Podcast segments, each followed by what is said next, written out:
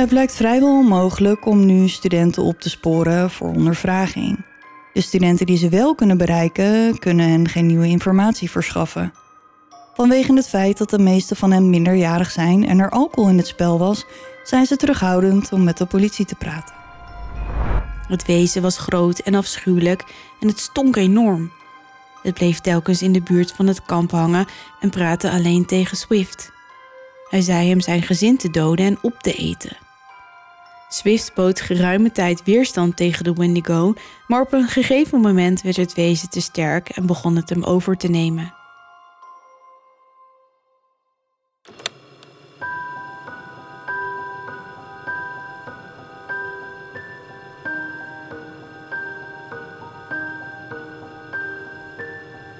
Dit is Duister. Een podcast waarin je wordt meegenomen naar het onbekende, het onbegrijpelijke. Zwarte bladzijden van de geschiedenis komen voorbij. Hier hoor je de verhalen achter moord, doodslag en onverklaarbare gebeurtenissen. We kruipen in de hoofden van een serie moordenaars, heksen, mythische wezens. Luister. En huiver naar duister. Hallo, lieve duisteraars. Hallo. Waar moet jij nou lachen? Ik dacht toch echt dat je mensen ging zeggen dit nee, keer? natuurlijk niet. Dat zal je mij nooit horen zeggen. Kleine duiveltjes. Dat kan nog wel. Ja, Kleine cryptids. kleine cryptid. Nou, over cryptids gesproken. Oh? Kleine teaser van mijn kant vandaag. Oh. ja. Oh. Ja. Heel dus daar laat ik het gelijk maar bij, want anders dan verklap ik te veel. Ja, nee, dat moeten we niet hebben. Maar leuk dat jullie er allemaal weer zijn. Ja. Ik hoop dat iedereen weer luistert. Ja, na de vorige. Ja, nou, kleine heads-up. Het is niet veel beter vandaag. Nee, we Kijk, daar doen- ga ik alweer. We doen nog steeds ons best. Eh, we hebben het eerste virus overleefd. En toen kwam de volgende. Ja, we zijn zo in een buikgriepje gegleden met z'n allen. Ja. Jij begon net met... Oh, ik heb een beetje kramp. ja. Hey, maar ik heb deze week drie, drie dagen de kinderen gehad. Dus op zich eh, zou het niet heel raar zijn als ik nu de volgende ben die daar moet geloven. Nee, je Ehm, bent wel next in line, zeg maar. Ja. Maar goed, eh, het, het- laten we het niet eh, ehm, de pret laten drukken. Nee, en gelukkig eh, is het een, eh een luisterpodcast. Ja, jullie hoeven niet ons te tegenstelling tot kijken. een televisiepodcast. Maar goed, we kunnen het niet overdragen. Nee, nee, nee, nee. Dus geen zorgen, jongens. Nee. Ehm, Maar als jullie luisteren, dan hebben we kerst al gehad. ja. Dus ik hoop dat iedereen hele fijne dagen heeft Mhm. gehad. Ja. Ik hoop dat je ook niemand uit de pure woede of frustratie vermoord hebt of zo. Dat Nee. hoor je ook wel eens. Dat Ja. het dan het hele jaar koetjes en kalfjes is en met kerst barst de bom, ineens. Ja. Nee, ik hoop dat we dat, eh, dat... Nee, dat zal toch niet. Onze duisteraars doen dat niet. Nou ja, dat weet je niet. Hè? Nee, joh. Nee, joh. Niet onze duisteraars. Nee. Ehm, ja, oud en nieuw komt eraan. Ja, en ehm, het is niet heel lang meer totdat de shop dicht gaat. Dat klopt, want die gaat namelijk vannacht om 12 uur dicht. Ja, Dus mocht je nou denken, ik moet nog een stukje van mijn uniform kopen nu, dan moet je dat doen. Ehm, want daarna gaat hij dicht en weten we niet wanneer die weer open gaat. De laatste Nee. keer is die twee jaar dicht geweest. ja dat was wel, dat is wel lang Ja, hoor. was wel echt veel te lang, maar goed, Ja. corona en zo en Ja. rare, Ik snap het. rare dingen. Ehm, dus hij is nog eventjes open. Dus sla nog even snel Is je je slag. aller, aller, allerlaatste kans. Allerlaatste kans. Ja, en wat hadden we verder nog op het programma? Eh, twee verhalen. Twee verhalen, zeker. Dat gaan we zeker doen. Nee, ehm, ik wil in ieder geval iedereen... ehm, ja, oud en nieuw komt eraan. Dus heel erg bedanken voor weer een jaar luisteren. Ja. Ehm, daar moet ik wel gelijk een trieste mededeling eh, achteraan doen. Oh. Hierna, na deze aflevering, Ja. komen er nog maar twee ja. Dat klopt. van het seizoen. Ja. We gaan niet stoppen. Nee. Maar ik denk, dan kan iedereen zich alvast even mentaal voorbereiden. Mhm. Ehm, dus eind januari ehm, gaan we de lentestop in. of Ja, de lentestop. ja, Ja, meestal zijn we er zo'n 2,5 eh à 3 maanden uit. Ja. Het is nog niet helemaal zeker eh, wanneer we dan weer terugkomen. Eh, want er zitten wel een hoop nou ja, dingen aan te komen. Ja, Op zowel podcastgebied als huizengebied. Als, eh, Daphne gaat nog steeds niet verhuizen, jongens. Nee, want het eh, lukt maar niet. Ik denk dat veel mensen dat misschien wel herkennen. Dus eh, misschien komt er wel een verbouwing aan. Ja, wat betekent dat ook de podcaststudio, aka de woonkamer van eh Daphne Spook, moet verhuizen Ja. Eh, voor een tijdje. Dat betekent dat we dan bij mij op gaan nemen. Mhm. Ehm, dus daar moet dan een studiootje komen. Ehm, nou ja, goed, we hebben een hele hoop om te plannen. Dus we hebben de tijd die we zo meteen weg zijn heel hard nodig om alles eh, in goede banen te rijden. Maar we hebben er nog twee jongens. Laten we niet op de Ja, zaken vooruit lopen. nee. We gaan nog niet weg. En als we wel weg zijn, zijn we nooit echt weg. Nee joh. Nee. Ja, want ik hoorde dus net, het is echt een hele openbaring voor mij. Jij hebt leren gamen. Ho, ho, ho, wacht even.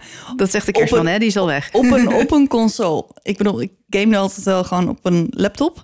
Ja, nou oké, maar op een Playstation dan. Op een PlayStation. Dat Ja. is toch super tof? Dan kunnen we eindelijk samen Ja, livestreamen. Ik wou dat ik het nooit verteld had, want nu moet ik ook ja, nu gamen. moet je, want nu Ja. hoef ik niet meer de hele tijd af te gaan. Ja.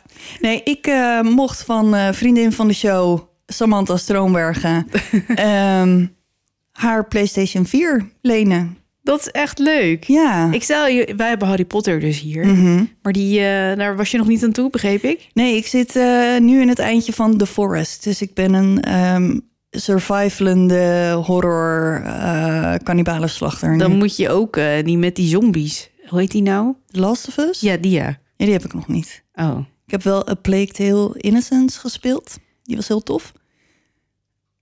Maar, Ik, heb, ik heb geen idee wat je net zei. nou ja, er zit...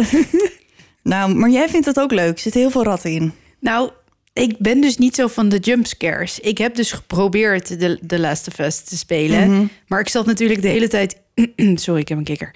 In het plafond en die console ook. dus dat vond het spook niet meer zo leuk. Wat ik snap, want daar ging de hele tijd de kamer door. Want ik schrik me gewoon de tieten. En dan, ja... Nee, dan- maar uh, Plague Tale is niet eng. Oh, Het is ehm, een verhaal uit de middeleeuwen ongeveer. De, toen de plaag er nog, de zwarte pest, de dinges er Zwarte nog dood de en de zwarte pest. dood en de pest, ja. Ehm, en dan ehm, ja, wordt je vader vermoord en dan Oh. ga je met je broer en je moeder wordt meegenomen. Dan ga je met je broertje. Je broertje heeft een speciale gave en je moet je broertje beschermen. En ondertussen maak je dan vrienden. en wacht, je broertje heeft een gave, maar jij moet je broertje beschermen. Ja, Oké. ja.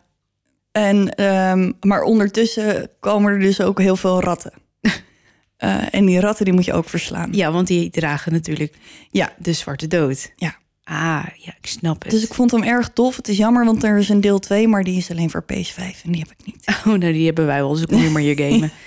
Oké, maar wat nou als onze luisteraars heel veel leuke game tips hebben? Dan mogen ze dat zeker ook wel delen bij je. Oh ja, ja. En ik ben dus, eh, ik vind dus eh, survival games heel leuk. Ik heb ook, ook Green Hell, was ook heel leuk. Die ken ik allemaal niet. Toen ging ik survival in de jungle en dan had ik af en toe wormen in mijn in mijn vlees en zo. En die moet je Oh. er dan uit. Ja. Jij zit wel in een andere gamehoek dan ik, proef ik al. ja, ik vind survival, dat soort eh, games heel leuk. Op het randje van een beetje naar. Ja, ook al, ik, maar ik ben ook aan het house flippen, jongens. Dus eh, af en toe moet ik ook gewoon even een break. Oké, oké. Nou, dan komt. Ja, oké. Nou, helemaal goed. Dus als je tips hebt voor Kim, Ja, kom maar door. Ja, laat het vooral weten. Socials, infoformulier, eh postduif, kan allemaal. Potbus bestaat ook nog. Ja, Dus, nou, kom maar op. zullen we maar gewoon beginnen nu? Zullen we dat maar gewoon doen? Ja, ik ga beginnen, Ja. want het is al heel lang mijn voor het beurt. eerst in eh, acht afleveringen of zo. Ehm, ben je er klaar voor? Ja hoor, kom maar op.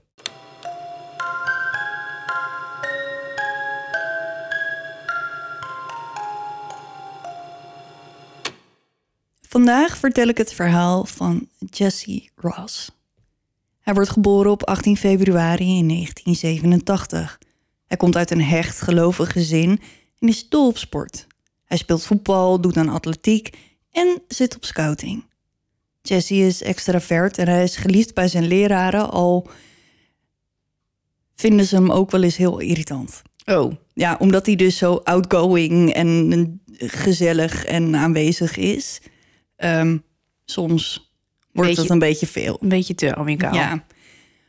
Op de middelbare school blijft hij aan sport doen. Hij doet nog steeds aan atletiek, maar doet nu ook aan cross-country. Daarnaast is hij lid van de jaarboekredactie en hij neemt deel aan de Knowledge Bowl. En nu hoor ik jullie denken, een Knowledge Bowl. Dat klinkt een beetje als de vuurbeker van Harry Potter. Ja, maar goed, wat is dat? Nou, ik ga je vertellen wat het is. Een Knowledge Bowl is een academische competitie waarin teams van studenten hun kennis op diverse gebieden testen, eh, waaronder wetenschap, geschiedenis, literatuur, kunst en algemene kennis. De competitie omvat meestal een reeks vragen die kunnen variëren in moeilijkheidsgraad en onderwerp. En deelnemers moeten snel en accuraat antwoorden om punten te verdienen voor hun team. En vaak worden Knowledge Bowl competities georganiseerd op scholen, tussen scholen in een district of zelfs op regionaal of nationaal niveau. En het doel is niet alleen om de intellectuele vaardigheden van de studenten te testen, maar ook om interesse in en kennis van verschillende vakgebieden te bevorderen. Nou, nou. Ja, ik heb het idee dat dat een beetje zo typisch Amerikaans is. Net zoals zo'n eh, spellingswedstrijd. Ja, dat zie ja, je toch ja. wel eens in films dat mensen dan... Of een debatclub. En dat ze dan Ja. tegen elkaar gaan debatteren. Ja. Ja, zo'n ding. Na de middelbare school gaat hij aan de University of Missouri studeren. Hij studeert communicatie met als bijvak politieke wetenschappen en hij is, hoe kan het ook anders, actief in verschillende clubs op de campus. Als eerstejaars wordt hij lid van de Model United Nations van de universiteit. De universiteit. De universiteit. En het bijwonen van de Model United Nations Conference in 2005 is een van de hoogtepunten van zijn jaar. Studenten uit het hele land nemen deel aan de conferentie en dat is voor Jesse een geweldige kans om nieuwe mensen te ontmoeten. Hij kijkt er erg naar uit om deel te nemen aan de Model United Nations in zijn tweede studiejaar en hij kijkt sinds het begin van het semester uit naar de conferentie van 2006.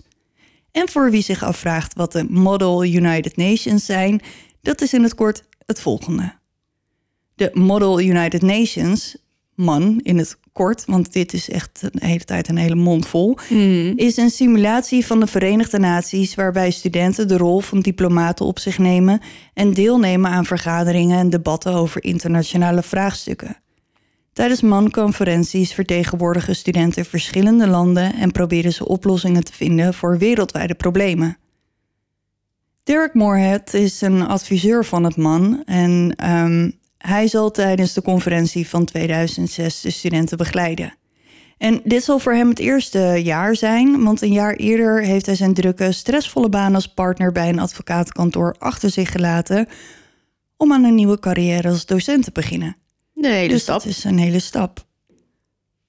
hey, wat was dat? Vuurwerk. Vuurwerk? Vuurwerk. Ja, het, het, het is hier nogal lawaaierig, want het stormt buiten echt heel erg. Ja, Daar houden wij van, maar het is ook een hoop kabaal. Ja, Dus als je wat hoort, dan denk je, huh, dan weet je misschien eh, Ja. wat het is. ja. De conferentie vindt plaats op zaterdag 18 november 2006. De vader van Jesse brengt hem 's ochtends heel vroeg naar de universiteit, waar zijn vrienden en Derek verzamelen voor de reis naar Chicago. De school heeft geen geld voor vliegtickets voor de groep, dus ze gaan met een gehuurd busje naar Chicago. Het is een rit van 10 uur en laat in de middag arriveren ze eindelijk. De conferentie vindt plaats in het Sheraton Chicago Hotel, maar die hebben niet genoeg plek voor de 1200 studenten die deelnemen. Ze logeren verdeeld over drie verschillende hotels en de groep van Jesse slaapt in het Four Points Sheraton op 15 minuten lopen van de conferentie. Jesse deelt een kamer met Ralph Parker. Ze kennen elkaar van de middelbare school, maar zijn op de universiteit echt goede vrienden geworden. Ze zijn allebei onderdeel van de MAN Veiligheidsraad en brengen het grootste deel van hun tijd in Chicago samen door. De conferentie heeft een druk schema met veel verschillende evenementen, maar ze hebben ook wat vrije tijd om de stad te verkennen. Op maandagmiddag gaan ze samen naar de Harley Davidson winkel en eten daarna wat bij het Hardrock Café. Ze zijn op tijd terug voor het programma van die avond. Die maandagavond is de laatste avond van de conferentie. Er wordt een groot feest voor de studenten georganiseerd om de conferentie af te sluiten. Het begint om 10 uur en eindigt om 2 uur. Een paar mensen van Jesse's groep zeggen tegen Derek dat ze niet naar het feest gaan en zij verlaten het Sheraton Chicago rond 10 uur om terug te gaan naar hun eigen hotel. Omdat Derek ervan uitgaat dat als zijn studenten teruggaan naar het hotel, ziet hij geen reden om te blijven. Hij gaat met de laatste jaarstudent naar een restaurant en gaat daarna terug naar zijn kamer. De meeste studenten hebben pas de volgende dag om 11 uur 's ochtends hun eerste evenement op de planning. Dat geldt niet voor Jesse en Ralph, die lid zijn van de Veiligheidsraad. Zij moeten om half drie s'nachts een vergadering bijwonen. Ja, de vergadering is een simulatie van een daadwerkelijke noodsituatie in de Veiligheidsraad die in 1990 plaatsvond. En deze vergadering wordt midden in de nacht gehouden om het zo authentiek mogelijk te houden en om de studenten de onvoorspelbare aard van internationale politiek te laten zien. Oké, op zich wel, uh, ja, ja, op zich wel een goed idee, denk ik. Ja. Ja, het lijkt me ook wel als je het zo echt mogelijk... Ja, dan moet je dus uh, laat je bed uit of uh, ja, dat kan zomaar gebeuren. Heel vroeg opstaan. Ja. ja, zeker. Jesse gaat rond tien uur terug naar zijn hotel. Een paar studenten hebben zich verzameld in een hotelkamer en Jesse sluit zich bij hen aan. Alcohol is ten strengste verboden tijdens de conferentie, maar goed. Het is wel een regel die makkelijk te breken is. Ja, en, dat zijn pubers. Hè? Ja. Tijdens de conferentie het jaar daarvoor heeft de meisje zoveel gedronken dat ze niet meer wist hoe ze bij haar kamer moest komen. En uh, zij werd de volgende ochtend slapend in de gang gevonden. dus nou ja, goed, tot zover de regels. Ja, ja, ja. ja. Na een paar uur eindigt het feestje op de hotelkamer. Een paar van de studenten, sommigen een beetje aangeschoten, besluiten terug te lopen naar het Sheraton Chicago om te kijken hoe het feest is. Op bewakingsbeelden is te zien dat Jesse om kwart voor één het hotel verlaat. Hij is in zijn eentje en hij heeft een plastic fles bij zich. Om negen over één komt hij aan bij het Sheraton Chicago, dat is te zien op bewakingsbeelden. Hij heeft er redelijk lang over gedaan, aangezien het normaal een kwartier lopen is. Maar goed, hij kan onderweg met mensen gekletst hebben. Misschien is hij er even bij gaan zitten. Of misschien ging hij niet zo snel omdat hij gedronken heeft. Er zijn echt enorm veel verschillende redenen te bedenken waarom hij er zo lang de zaakjes over gedaan heeft. Ja. Als hij bij het hotel aankomt, gaat hij naar het feest. Op foto's gemaakt door andere studenten zie je Jesse glimlachen terwijl hij een fles Powerade omhoog houdt. Er is niemand die merkt dat de fles niet gevuld is met Powerade, maar met een cocktail met vodka. Na twintig minuten neemt Jesse de lift naar de achtste verdieping van het hotel. Daar gaat hij naar een hotelkamer van studenten van een andere universiteit, waar ook een feestje aan de gang is. Ze herinneren zich dat hij rond half twee aankomt. Hij blijft met hen drinken tot het tijd is om naar beneden te gaan voor de vergadering van de Veiligheidsraad. Als Jesse rond half drie aankomt, is Ralph er al. Een student die Jesse ziet binnenkomen zegt dat het leek alsof hij hulp nodig heeft met lopen, alsof hij onvast op zijn benen staat omdat hij heeft gedronken. Volgens Ralph gedraagt Jesse zich normaal, maar hij blijft niet lang op de vergadering. Rond tien voor drie fluistert Jesse iets tegen Ralph, maar die verstaat niet wat hij zegt. Voordat hij kan vragen of Jesse dat nog een keer wil herhalen, staat Jesse op en loopt de zaal uit. Ralph neemt aan dat hij even naar de wc is, maar hij komt nooit meer terug. Hij maakt zich niet al te veel zorgen. Hij denkt dat Jesse gewoon moe is en besloten heeft om terug te gaan naar het hotel om te gaan slapen. Een andere student ziet Jesse meteen nadat hij de vergadering verlaten heeft en merkt op dat hij onder invloed lijkt. Zijn ogen zijn rood en hij spreekt onduidelijk. De student is bezorgd om zijn toestand, maar Jesse geeft aan dat hij gewoon even naar buiten gaat om een luchtje te scheppen, dus hij is zo weer terug. De student gaat terug naar de vergadering van de Veiligheidsraad, zich er niet van bewust dat deze toevallige ontmoeting de laatste keer is dat iemand Jesse zal zien. De vergadering van de Veiligheidsraad duurt tot half zes. Ralph loopt alleen terug naar zo'n hotel en hij gaat rechtstreeks naar zijn kamer.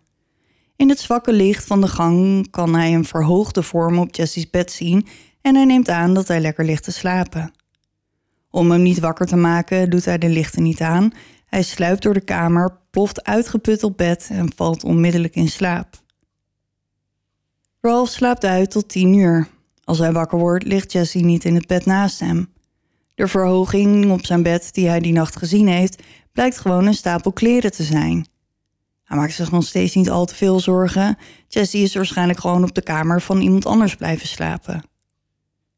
Voordat ze terugkeren naar het Sheraton Chicago, moeten ze ingepakt en uitgecheckt zijn. Hij is er zeker van dat Jesse op tijd terug zal zijn om zijn spullen in te pakken.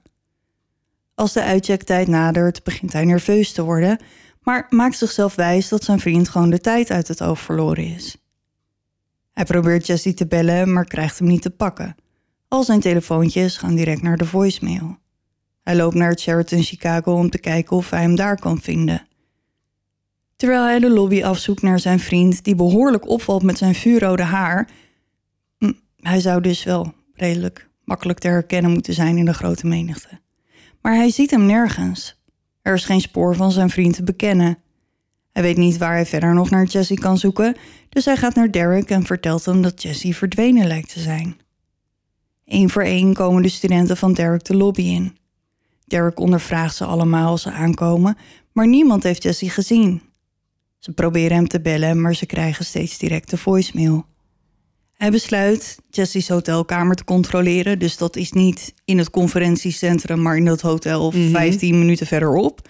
Um, omdat hij daar misschien iets kan vinden wat hem kan vertellen waar Jesse is. Of misschien is hij teruggekeerd. Of misschien is hij daar nu om zijn spullen last minute in te pakken. Precies. Of zijn spullen te zoeken als ze al uit de kamer zijn. Ja. Eenmaal in de hotelkamer ziet Derek dat Jesse's spullen nog door de kamer verspreid liggen. Het is hem wel duidelijk dat hij nog niet begonnen is met inpakken. Tijdens een rondje door de kamer vindt hij een lege fles wodka van 3 liter. Als hij dit ziet, denkt hij hetzelfde als Ralph. Hij is waarschijnlijk gewoon bij iemand op de kamer gecrashed en ligt daar nu zijn roes uit te slapen. De hele groep begint op de deuren van hotelkamers te kloppen om te kijken of Jesse daar ergens ligt, maar ze kunnen niemand vinden die hem sinds die nacht gezien heeft.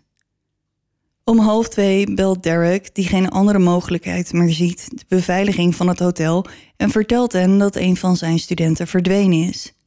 Na nog een uur vergeef zoeken, heeft hij geen andere keus dan Don en Donna Ross te bellen, de ouders van Jesse, om hen te vertellen dat hij hun zoon niet kan vinden.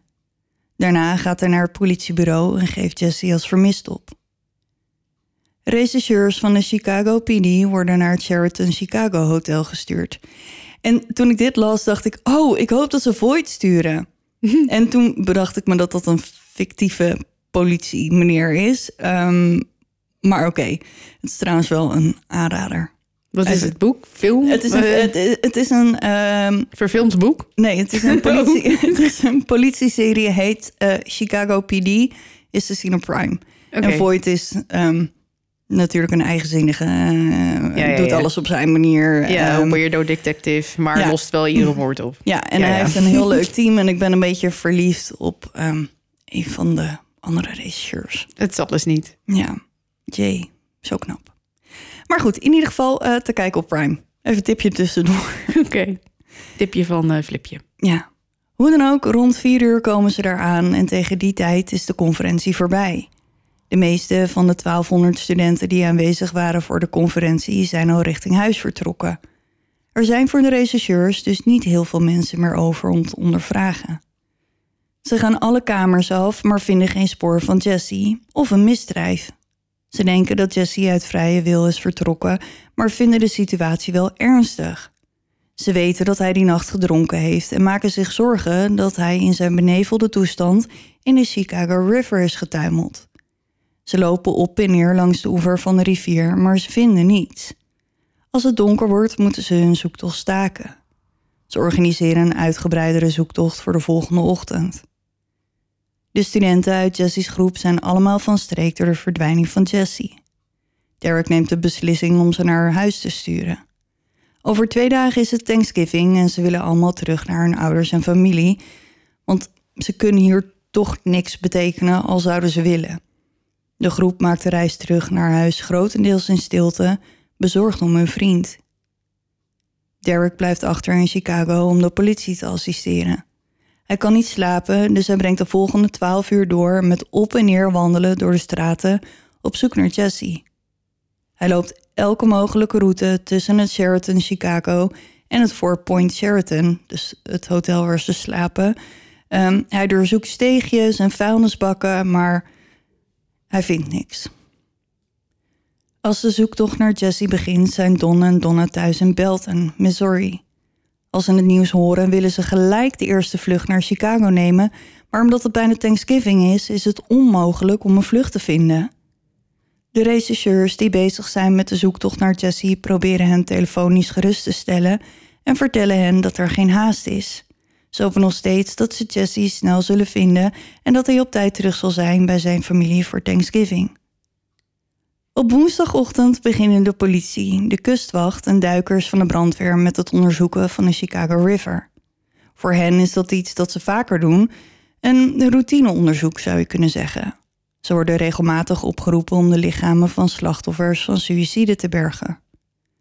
Uit ervaring weten ze dat iedereen die in dit gebied in het water belandt, meestal binnen drie meter van de plek waar ze te water zijn gegaan, worden gevonden. Ze beginnen dan ook met het stuk rivier achter het Sheraton Chicago. Ze vinden veel afval, maar niets wat erop wijst dat Jesse in het water terecht is gekomen. Ook een zoektocht in de straten en steegjes in de buurt van het hotel leveren geen aanwijzingen op. Terwijl zoekteams de stad afzoeken naar enig teken van Jesse, nemen rechercheurs contact op met studenten die de conferentie hebben bijgewoond.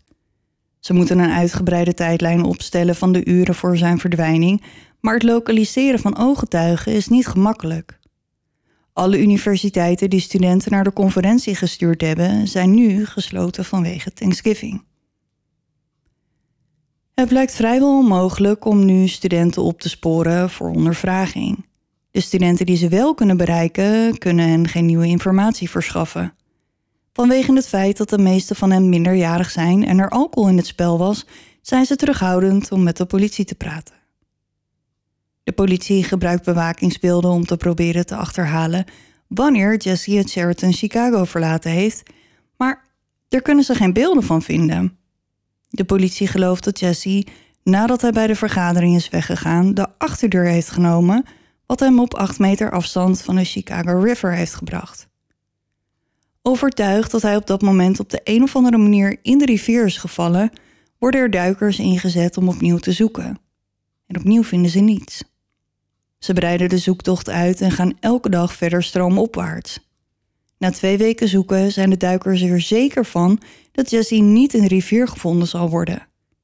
Rechercheurs beginnen te onderzoeken of Jesse misschien vrijwillig verdwenen is. Maar wacht, ze hebben twee weken lang in de rivier gezocht en Ja. verder nergens anders. Jawel, ze hebben natuurlijk ondertussen ook wel andere lijntjes.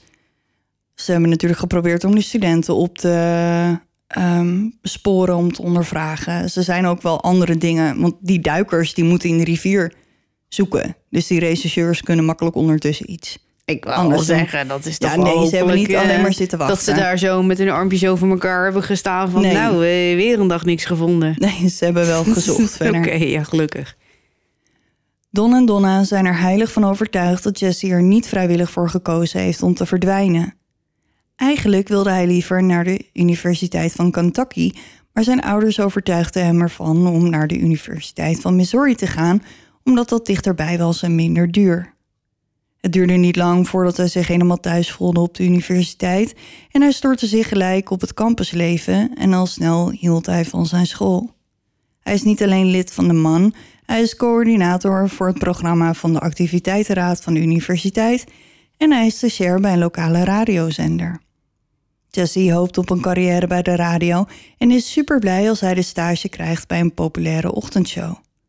Hoewel hij slechts parttime werkt, duurt het niet lang voordat Jesse fans krijgt in heel Kansas City. Op de radio noemen ze hem Opie, vanwege zijn rode haar en sproeten. Hij doet zijn collega's denken aan Opie uit de Andy Griffith Show. Ik ken het niet, ken jij het? Misschien het spook? Spook. Ken jij de Andy Griffith Show? Nee. Oh, Spook kent het ook niet. Hm. Vlak voordat hij vertrekt naar Chicago krijgt Jesse een betaalde baan aangeboden bij de radiozender. Hij is extatisch als hij het nieuws hoort en ziet dit als de eerste stap in zijn toekomstige carrière. Met zijn geweldige gevoel voor humor en benaderbare persoonlijkheid, dat laatste hebben ze nou nog nooit over ons gezegd, Daf. Ehm, Nou, maar vooral niet over mij. nou ja, ik ben nog iets minder angstaanjagend dan jij, denk ik. Een beetje. Heel klein, heel klein beetje. Ja, goed. Tegenwoordig ben ik heel benaderbaar. Nou, ik weet niet in welke dimensie, maar... Nou, mijn, mijn eigen. Oh, nee, maar dat is oké. Er zijn echt, ik ben- ben, ben al best wel veel duisteraars in het wild tegengekomen. En die durfden me allemaal te benaderen. Ja, dat is waar. Misschien is dat de reden waarom er nog nooit iemand eh, naar mij toe is gekomen. Dat ze me misschien wel herkend hebben, maar dat ik zo onbenaderbaar ben. Nee, toch? Nee. Nou, zo, nou, ja, ik weet het niet. Nou ja, in ieder geval, mijn benaderbaarheid is in ieder geval minder erg als dat het ooit was. Ja, oké, dat is wel waar. Maar eh, alsnog, niemand zou dit over ons zeggen. Ehm, hij maakte in ieder geval overal vrienden. En hij was als kind een beetje druk en hij verveelde zich snel als hij te lang op één plek moest blijven. Hij houdt van het leven en wil ervoor zorgen dat hij alles zou ervaren wat de wereld te bieden heeft. Dit alles bij elkaar maakt dat zijn ouders niet kunnen geloven dat Jesse zomaar heeft besloten om te verdwijnen. Dan en Donna vertellen de rechercheurs dat Jesse een goede jongen is, maar soms wel een typische puber met een slecht beoordelingsvermogen. Hij kan soms wat overmoedig zijn. Ehm, toen hij het voorgaande jaar naar de manconferentie was, ehm, was hij thuisgekomen zonder de videocamera die zijn vader hem had eh, geleend. En hij vertelde zijn ouders dat hij tijdens een wandeling door de stad Chicago om één uur s'nachts was overvallen door een man met een mes die de camera had meegenomen. En zijn ouders waren geschokt, maar Jesse nam het incident vrij luchtig op. En net als alle andere tieners en pubers voelde hij zich onoverwinnelijk. Ehm, en het feit dat hij de overval eh, fysiek ongeschonden had overleefd, versterkte dit gevoel alleen maar. Ja, of het was een leugen. Dat hij zegt, nou ja, ik denk dat ze blijer zijn dat ik nog leef. Ja, In plaats van dat ik die videocamera niet Ergens meer heb. Dus dan zeg ik wel van, joh, het was heel heftig met een mes en, Ja. een, en een overvaller. En dan zijn ze in ieder geval blij dat ik er nog ben. En dan is het niet zo erg. kan ook. kan ook, ja. Maar dat is natuurlijk een pure aanname. ja. Maar ik denk dat ik dat als tiener misschien wel in, Ja. de, in de mix had gegooid. Had gekund, ja. Nou ja, goed, we zullen het eh, nooit, weten. weten. Nee. Een week nadat Jesse vermist raakte, wordt het Midwesten getroffen door een zware sneeuwstorm, waardoor het opnieuw onmogelijk is om naar Chicago af te reizen. Dan en Donna weten niet waar ze het moeten zoeken, zo thuis opgesloten. Ze willen daar zijn waar hun zoon is. Ze bellen regelmatig met de politie voor updates, maar ze kunnen hem eigenlijk steeds niks nieuws vertellen. Nee. Als de storm voorbij is, vliegt Dan eindelijk naar Chicago en zijn zoon, Andy, die ouder is dan Jesse, gaat met hem mee. Als ze op de luchthaven van Chicago aankomen, worden ze begroet met het vreselijke nieuws dat zojuist het lichaam van een witte man uit de Chicago River is gehaald. De politie heeft de identiteit van de man nog niet bevestigd, maar iedereen gaat er wel een beetje van uit dat het om Jesse gaat. Na een gespannen middag wachten krijgt de familie Ross nieuws van de rechercheurs. Het gevonden lichaam is niet van Jesse. Het is het lichaam van een andere man die suïcide heeft gepleegd. Nu ze weten dat het niet om Jesse gaat, zijn Dan en Andy ervan overtuigd dat hij nog in leven is. Ze gaan de straat op, hangen posters op en delen flyers uit. Urenlang lopen ze door de vrieskou, voorbijgangers smekend om naar Jesse uit te kijken. Tijdens de eerste weken van het onderzoek is de politie ervan overtuigd dat ze hem in de rivier zullen vinden. Afgelopen december is er een man die in het Sheraton Chicago verbleef eh, vermist geraakt. En dat is dan de december voordat Jesse ehm, vermist raakte. En zijn lichaam werd twee weken later uit de rivier gehaald. Als Jesse in de rivier terechtgekomen is, is hij waarschijnlijk op ongeveer dezelfde plek te water geraakt. Daarom zoeken duikers tussen het hotel en de plek waar de man is gevonden, maar ze vinden geen spoor van Jesse. Uiteindelijk hebben ze geen andere keus dan andere mogelijkheden te overwegen. Ze vragen zich af of Jesse misschien in Lake Michigan terecht is gekomen. De Chicago Harbor Lock scheidt de rivier van Lake Michigan. Als het waterpeil van de rivier te hoog wordt, dan kunnen ze de sluisdeuren openzetten om water in Lake Michigan te lozen. Ze praten met de onderhoudsingenieur van de sluis om te kijken of de sluisdeuren open zijn geweest na Jesse's verdwijning. Volgens hem is er in die periode geen noodzaak geweest om de sluizen te openen om water te lozen, dus ze hebben al die tijd in hun normale positie gestaan. Hij controleert ook of er misschien schepen zijn geweest voor wie de sluizen zijn geopend, maar ook dat is niet het geval. Volgens hem is het in wezen onmogelijk dat Jesse in Lake Michigan terecht is gekomen. De rechercheurs zijn er al die tijd vanuit gegaan dat Jesse het hotel via de achterkant heeft verlaten, vandaar dat ze zich gefocust hebben op de rivier, aangezien de rivier maar een paar meter van de achterdeur ligt. Dat is wel een beetje tunnelvisie. Ja, ehm, maar als dat zo zou zijn, dan hadden ze hem moeten zien op bewakingsbeelden. Ja, maar die hebben ze toch al gecheckt en mag ik ook. Ja, kijk, ehm, er hangt een camera die op de roltrap die naar de achterdeur leidt gericht is. Ehm, maar Jesse is op die beelden niet te zien. En ze hebben de beelden ontelbaar vaak bekeken, maar iedere keer moeten ze tot de conclusie komen dat Jesse daar echt niet op te zien is. Wat, op die, bel, op die, op, Op die, achterdeur? Ja, die roltrap. Dus Dan is hij daar toch ook niet geweest? Nee, en als ze Ralph ondervragen, vertelt hij hen dat Jesse nooit de achterdeur gebruikte. Ja, hallo. In plaats daarvan gebruikte hij de trap naast de vergaderzaal. Die leidt ehm, rechtstreeks naar het parkeerterrein en is de dichtstbijzijnde uitgang ehm, naar het Four Point Sheraton, dus het hotel waar ze sliepen. Ja, maar dat, nee, daar komen ze toch niet nu pas achter. En deze deur ligt niet aan de waterkant. En het pad dat Jesse vanaf daar naar zijn hotel zou nemen, brengt hem ook niet langs de rivier. Godskleren. Ja, de politie bekijkt bewakingsbeelden van het gebied rond het parkeerterrein om te kijken of ze kunnen bevestigen ehm, wat Ralph heeft verteld.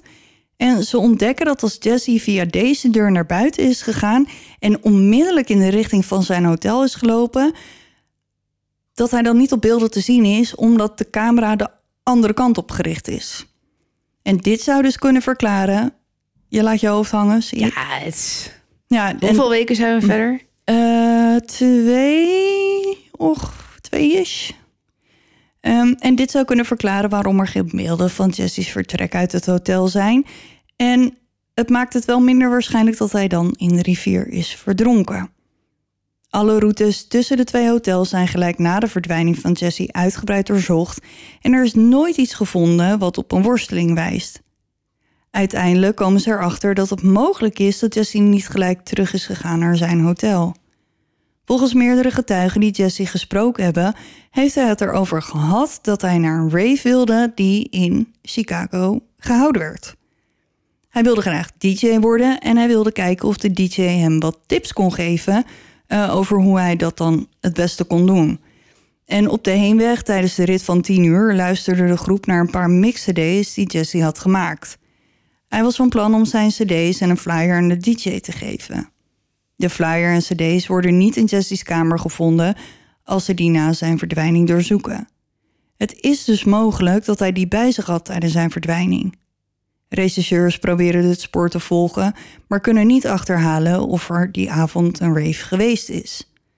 En voor sommige feesten wordt er veel reclame gemaakt, maar er zijn ook illegale raves die in verlaten gebouwen worden gehouden. En dan is het een stuk moeilijker om te achterhalen of er die avond eentje was. Het is mogelijk dat Jesse via zijn contacten bij de radio van zijn rave op de hoogte was en besloten heeft er naartoe te gaan. Het zou ook kunnen dat hij op weg daar naartoe of op de rave zelf slachtoffer is geworden van een misdrijf. Bij ondergrondse raves zijn verschillende soorten drugs makkelijk verkrijgbaar. Er is niets wat erop wijst dat Jesse ooit drugs geprobeerd heeft, maar hij was redelijk dronken toen hij het Sheraton Chicago verliet. Dus misschien heeft hij besloten om het toch eens te proberen of heeft hij iets van iemand aangenomen zonder te weten wat het precies was. Dit zou hem fataal kunnen zijn geworden. Ehm, als er tijdens zo'n illegaal feest iemand een overdosis neemt, wordt er vaak geen medische hulp ingeroepen. Vaak omdat het plaatsvindt op een illegale locatie. En als Jesse in een verlaten gebouw is achtergelaten, dan is hij heel erg moeilijk te vinden. Eh, want er zijn duizenden verlaten gebouwen in Chicago. Hmm. Omdat ze niet weten in welke richting Jesse is gelopen, is het bijna onmogelijk om te achterhalen waar hij terecht is gekomen. Hij verschijnt nergens op bewakingsbeelden van de camera's die buiten het hotel hangen. En het laatste signaal van zijn mobiel was om half vier, minder dan een uur nadat hij de conferentie verlaten heeft. En het duurt dan ook niet lang voordat alle sporen doodlopen. Zijn ouders besluiten om een privédetective in te huren om te helpen zoeken naar hun zoon, in de hoop dat hij meer geluk heeft dan de politie. Maar ook de privédetective vindt geen nieuwe informatie. Don en Donna zijn nooit gestopt met zoeken naar hun zoon. Ze reizen regelmatig af naar Chicago om flyers uit te delen en posters op te hangen in het gebied waar hij voor het laatst gezien is. Ze organiseren jaarlijks Opiefest om fondsen te werven voor de zoektocht en een beloningsfonds. Tijdens zijn tijd bij de radio had Jesse een populair segment genaamd Waar is Opie? Waarvoor hij naar verschillende plaatsen in Kansas City reisde ehm, en dan de locatie voor de radio beschreef. En luisteraars konden dan raden vanaf welke locatie hij uh. En nadat hij vermist raakte, maakten studenten van zijn universiteit t-shirts met de tekst Where is Opie erop gedrukt. Deze hebben ze verkocht om geld in te zamelen um, voor een beloning voor de gouden tip. Tot slot, Derek is nooit helemaal over het feit heen gekomen dat een student die hij onder zijn hoede had vermist is geraakt. Aan het einde van het schooljaar besloot hij te stoppen met lesgeven. Oh, hij was er net. Hij was er net. Ja, en dat is de vermissing van Jesse Ross. Het lijkt me ook wel een nachtmerrie hoor, als je de verantwoording hebt over andermans kind en die raak je kwijt. Niet dat hij er wat aan kan doen, maar... Nee, maar net als een kind per ongeluk op een schoolreisje uh, de verkeerde kant op loopt, dan heb je toch wel even paniek. Uh, ja. ja, ik was laatst mijn eigen kind eventjes kwijt op school. Nou, oh. dan... Uh, je kan het denk ik één minuut uithouden en daarna slaat die paniek echt volledig toe. Ja. En ze was gewoon een rondje om het schoolplein gelopen. En anderen waren haar echt al, al lang tegengekomen. Alleen ik wist dat nog niet. Nee. Nou, je gaat door de grond. Ja. Ja, vreselijk. Maar wat ik dus een beetje uh, mis... Ik, misschien heb ik het gewoon over het hoofd gezien ergens. Maar waarom hebben ze dat hotel niet van onder tot boven op zijn kop gezet? Want als er geen beelden zijn van het feit dat hij eruit gaat, dan kan het natuurlijk zijn dat hij ook nooit dat hotel verlaten, heeft. Ja, weet Want ik veel. Zijn ja, ik heb zo gelijk zo, hij is in de rivier gevallen. En dan moet ik zeggen dat het niet um, een hele gekke gedachte is natuurlijk. Ik bedoel, nee, hier vallen er ook uh, jaarlijks veel mensen in de gracht. Maar het ging maar door over die rivier. Ja, ja. Maar nu zat ik ook op Reddit te lezen en het schijnt dus ook een soort van het schijnt een redelijk veilig gebied te zijn. In Chicago staat niet echt per se um, bekend om zijn veiligheid. Mm -hmm. um, maar het is daar een beetje een soort van zakendistrict. District. Dus niet midden in de stad. Nee, meer gewoon tussen de ja, conferentiezalen en uh, bedrijven. Um, en ja, mensen, de ene kant, zeg maar twee kampen. De ene zeiden van, nou, het is daar helemaal niet onveilig en je kan er gewoon lopen en je komt echt niet zomaar in een gevaarlijk deel van Chicago terecht. Terwijl ja, de andere helft zei dus ja, maar als je daar per ongeluk verkeerd afslaat, dan sta je zo in de verkeerde buurt. Nou, toen kwam er discussie over gangs en toen zeiden ze ja, weet je, uh, in tegenstelling tot wat alle politie-series je willen doen geloven, um, bendeleden hebben nou niet per se iets met gewone burgers tussen haakjes uh, te maken. Die hebben het meestal op rivaliserende bendeleden en zo voorzien. Um, ja, geen idee. Ja, ik weet het ook niet. Ik kan alleen een beetje op mijn eigen gevoel uh, afgaan. En dat is dat Chicago voor mij niet het spook. En ik moest ooit een keer een tussenlanding maken. En toen dachten we, nou weet je wat, dan gaan we daar de stad in. En dan gaan we daar een beetje naar Chicago bekijken. En toen hadden we allebei zoiets van, uh, ik weet niet man, vond nee. toch niet helemaal oké. Nee, het is echt niet een van de fijnste nee, plekken. Grootste moordaantal uh, ieder jaar weer in Chicago. Ja, daarom heb je dus Void. Maar ja, die bestaat niet echt. Dat is toch jammer. Ja, nou, ik weet het niet. Ik uh, staat niet hoog op mijn lijstje of zo. Nee, de mijne ook niet. Uh, behalve als ik met Jay Halstead mag trouwen. Maar ook hij is niet echt. Helaas. um, nou, maar het is gewoon... Het, weer zo'n raadsel. En dat is weer zo'n jonge jongen. De, zijn hele leven voor zich. Heeft net de baan van zijn dromen gekregen. Begint aan zijn carrière. Doet iets. Hij zit daar in die veiligheidsraad met allemaal mensen van over de hele wereld. Vindt het superleuk. Ja, niet echt een reden om eruit te stappen of zo, hè? Nee. En als hij dat wel gedaan heeft, waar is hij dan? Want in die rivier lag hij dus niet. Nee. En die rivier die stroomt nou eenmaal maar één kant op. Mhm. Ehm, en als de sluisdeuren niet open zijn gegaan... Maar hebben ze ooit wel in dat meer gekeken? Ja, maar dat, he- dat heeft dus geen zin. Dat is zo groot. En als, het eenmaal, als je daar eenmaal in spoelt... dan spoel je wel een stuk verder, denk ik. Maar als die sluizen dicht hebben gezeten... dan kan hij daar nooit langs gegaan zijn. Nou ja, nee. Maar goed, misschien ligt hij wel ergens op die bodem. Nee, je gaat vanzelf drijven. En eerst dan laat hij je handen en voeten los. Oh, gezellig. Dat weet Ja. jij. Ja, volgens mij heb ik dat wel eens een keer eerder verteld. Volgens mij is het zo dat ehm, ja, je handen en voeten gaan als eerst. Ehm, omdat, geen idee waarom. ja, maar vaak ga je wel drijven. En op een gegeven moment gaat er, omdat je gaat ontbinden, ontstaan er gassen in je lijf Mhm. en die pushen je naar boven. Ja, ja, precies. Dus tenzij je ergens klem zit of een, ehm, een blok aan je been, maar ook dan op een gegeven moment als je fles, je fles, je vlees ehm, er niet meer is, dan gaat je skelet ook. Nou ja, goed. Ja, eh, zullen we niet te veel over nadenken? Nee, dat zijn niet de meest leuke dingen. Nee. Er Nou ja. zijn eh, wel, ehm, zoals zo vaak in dit soort zaken, ehm, er zijn van die age progression foto's gemaakt Mhm. Van hoe die er nu eventueel uit zou zien. Maar tot nu toe heeft het allemaal nog niks opgeleverd. Dat is wel bizar. Ja, ik, het blijft me iedere keer opnieuw verbazen dat mensen gewoon zo poef van, de aardbodem kunnen verdwijnen. ja. ja. Heb jij een eh, leuker verhaal voor ons?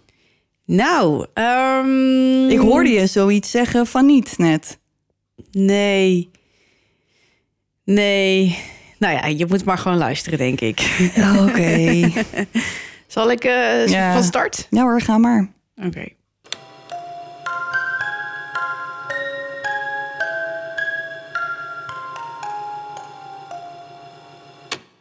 Alright. Dit seizoen zitten we vooral in de vrouwen, Mhm. de doktoren Mhm. en de cryptids. Ik herkende bij mezelf ook een beetje een thema. Ja. Want ik zat vooral bij de eh, mannen die geen nee kunnen eh, verdragen. Ja. Oh ja. Ehm, ja. Dus nou ja, we hadden al eh, Mothman. En vandaag is het de beurt aan de Wendigo. Jee. Ja. Ja, jee, ik hoop het. Ja, Dus ik ga gewoon beginnen en ik dan heb er zin in. hopen we dat het daarna nog steeds jee Ja, was. nee, waarschijnlijk niet. Maar eh, eh, ja, go for it. Cannibalisme is iets wat al erg lang bestaat. De gedachte eraan laat ons gruwelen, maar tegelijkertijd zijn we erdoor gefascineerd. Net zoals ik in de forest. Ja. Wetenschappers hebben sporen van cannibalisme gevonden van duizenden jaren oud. In het oude China onderwees de legendarische filosoof en theoreticus Confucius een doctrine die vooral ging over ethiek en moraliteit. Voor zijn volgelingen was er geen bezit heiliger dan het lichaam, omdat het werd gezien als een soort voorouderlijk verlengstuk. Gedachten, kwaliteiten en ideologieën van ouders en voorouders leefden voort in nakomelingen. Het met opzet verwonden of respectloos behandelen van dit bezit werd als godslastering beschouwd. Er was echter één opmerkelijke uitzondering met betrekking tot het toebrengen van zelfschade. Gegu, een enigszins extreme praktijk die voor de meest toegewijden gold en die bloeide tijdens de Tang-dynastie. Gegu bestond uit het afsnijden van een stuk vlees van iemands dij of een ander deel van het lichaam met de bedoeling het klaar te maken voor een zieke geliefde. In de meeste beschrijvingen pleegt de zoon of schoondochter de daad in het geheim voor een ouder die onwetend blijft over de oorsprong van de maaltijd, of misschien wel een idee heeft, maar net doet alsof, nou ja, hij dat niet weet. Pas nadat de patiënt hersteld was, werd de daad onthuld. Het is echter niet het vlees dat de genezende waarde had, maar de daad zelf, een soort onbaatzuchtige goedheid, wat de kern vormt van het Confucianisme. Oké, en dat is dan vlees dat je bij jezelf wegsnijdt om... Nee, bij een ander. Oké, dus ik ben de schoondochter Ja, en dan ga ik naar jou om uit jouw dijbeen te snijden. ja, En dan breng ik het naar mijn schoonmoeder. ja, Oké, nee, oké, duidelijk. ja. Een beetje raar. Ja, nee, want ik dacht als ik het nou uit mijn eigen dij- dijbeen moet snijden, dan kan ik hem, maar ik moet dus naar jou om dan jou te snijden en dan. Ja, maar het kan, het kan allebei. Want stel nou, er is helemaal niemand in de buurt, dan kan het ook bij jezelf. oké. Maar ik las voorbeelden waarbij, het, waarbij een zoon het voor zijn vader deed Mhm. en die deed het bij zijn vrouw, haar dij. Oké, en als er iets met haar ouders aan de hand is, dan gebruiken ze zijn been. Misschien. Waarschijnlijk. Ja. Ja, oké. Ja. Eh, maar ik denk wel dat de meeste mensen blij zijn dat deze praktijk niet heel vaak meer Voorkomt. voorkomt. Ja, dat hoop ik wel, ja. Lijkt me een pijnlijke aangelegenheid. Ook de Romeinen hadden zo hun overtuigingen. Zo deden zij aan, zoals ze het zelf noemden, medisch vampirisme. Wanneer een gladiator gewond raakte in de arena, werd zijn warme, stromende bloed opgevangen en gedronken om zo ziekte te kunnen genezen bij anderen. Vooral voor epilepsie was dit een veel voorkomende behandelmethode.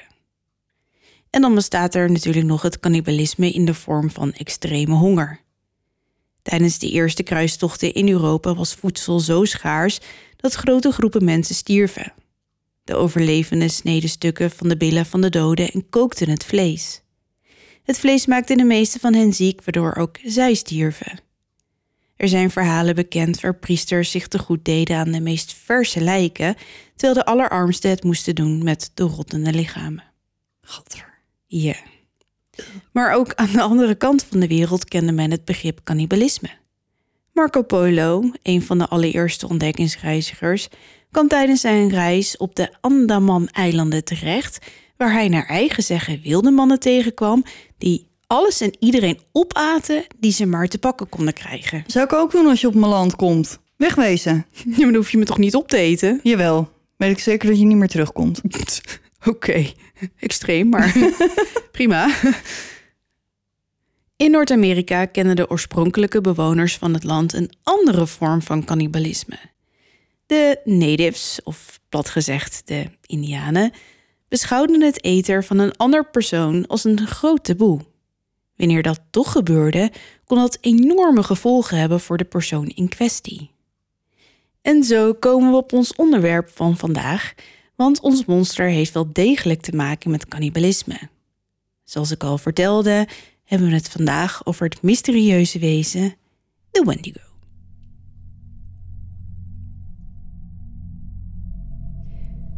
Diep in de noordelijke bossen kan het gevaarlijk zijn. Eindeloze pijnbomen, afgewisseld met talloze meren en bergen. Er zijn geen paden, laat staan wegen, en de zon lijkt hier maar niet door de boomtoppen heen te kunnen dringen. Je kunt hier grandioos verdwalen. Zonder kaart ben je reddeloos verloren. Blijf je in circus lopen totdat je gek wordt. Naar ieder rotsblok hetzelfde uitzicht. Nog meer pijnbomen, weer een ander meertje. Diep in de noordelijke bossen lijkt de beschaving mijlenver weg. Hier lijkt de realiteit anders, vervaagd bijna.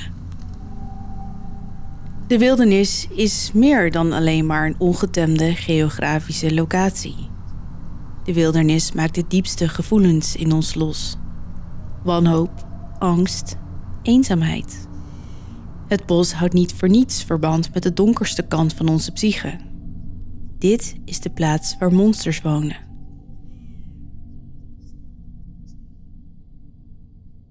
Volgens Wikipedia is de Wendigo een kwaadaardig, mythologisch wezen dat voorkomt in Noord-Amerika en gedeelten van Canada en dan vooral in het gebied de Great Plains en de Great Lakes aan de oostkust. Ooit waren er veel Indianenstammen in Noord-Amerika, maar ze waren lang niet allemaal hetzelfde.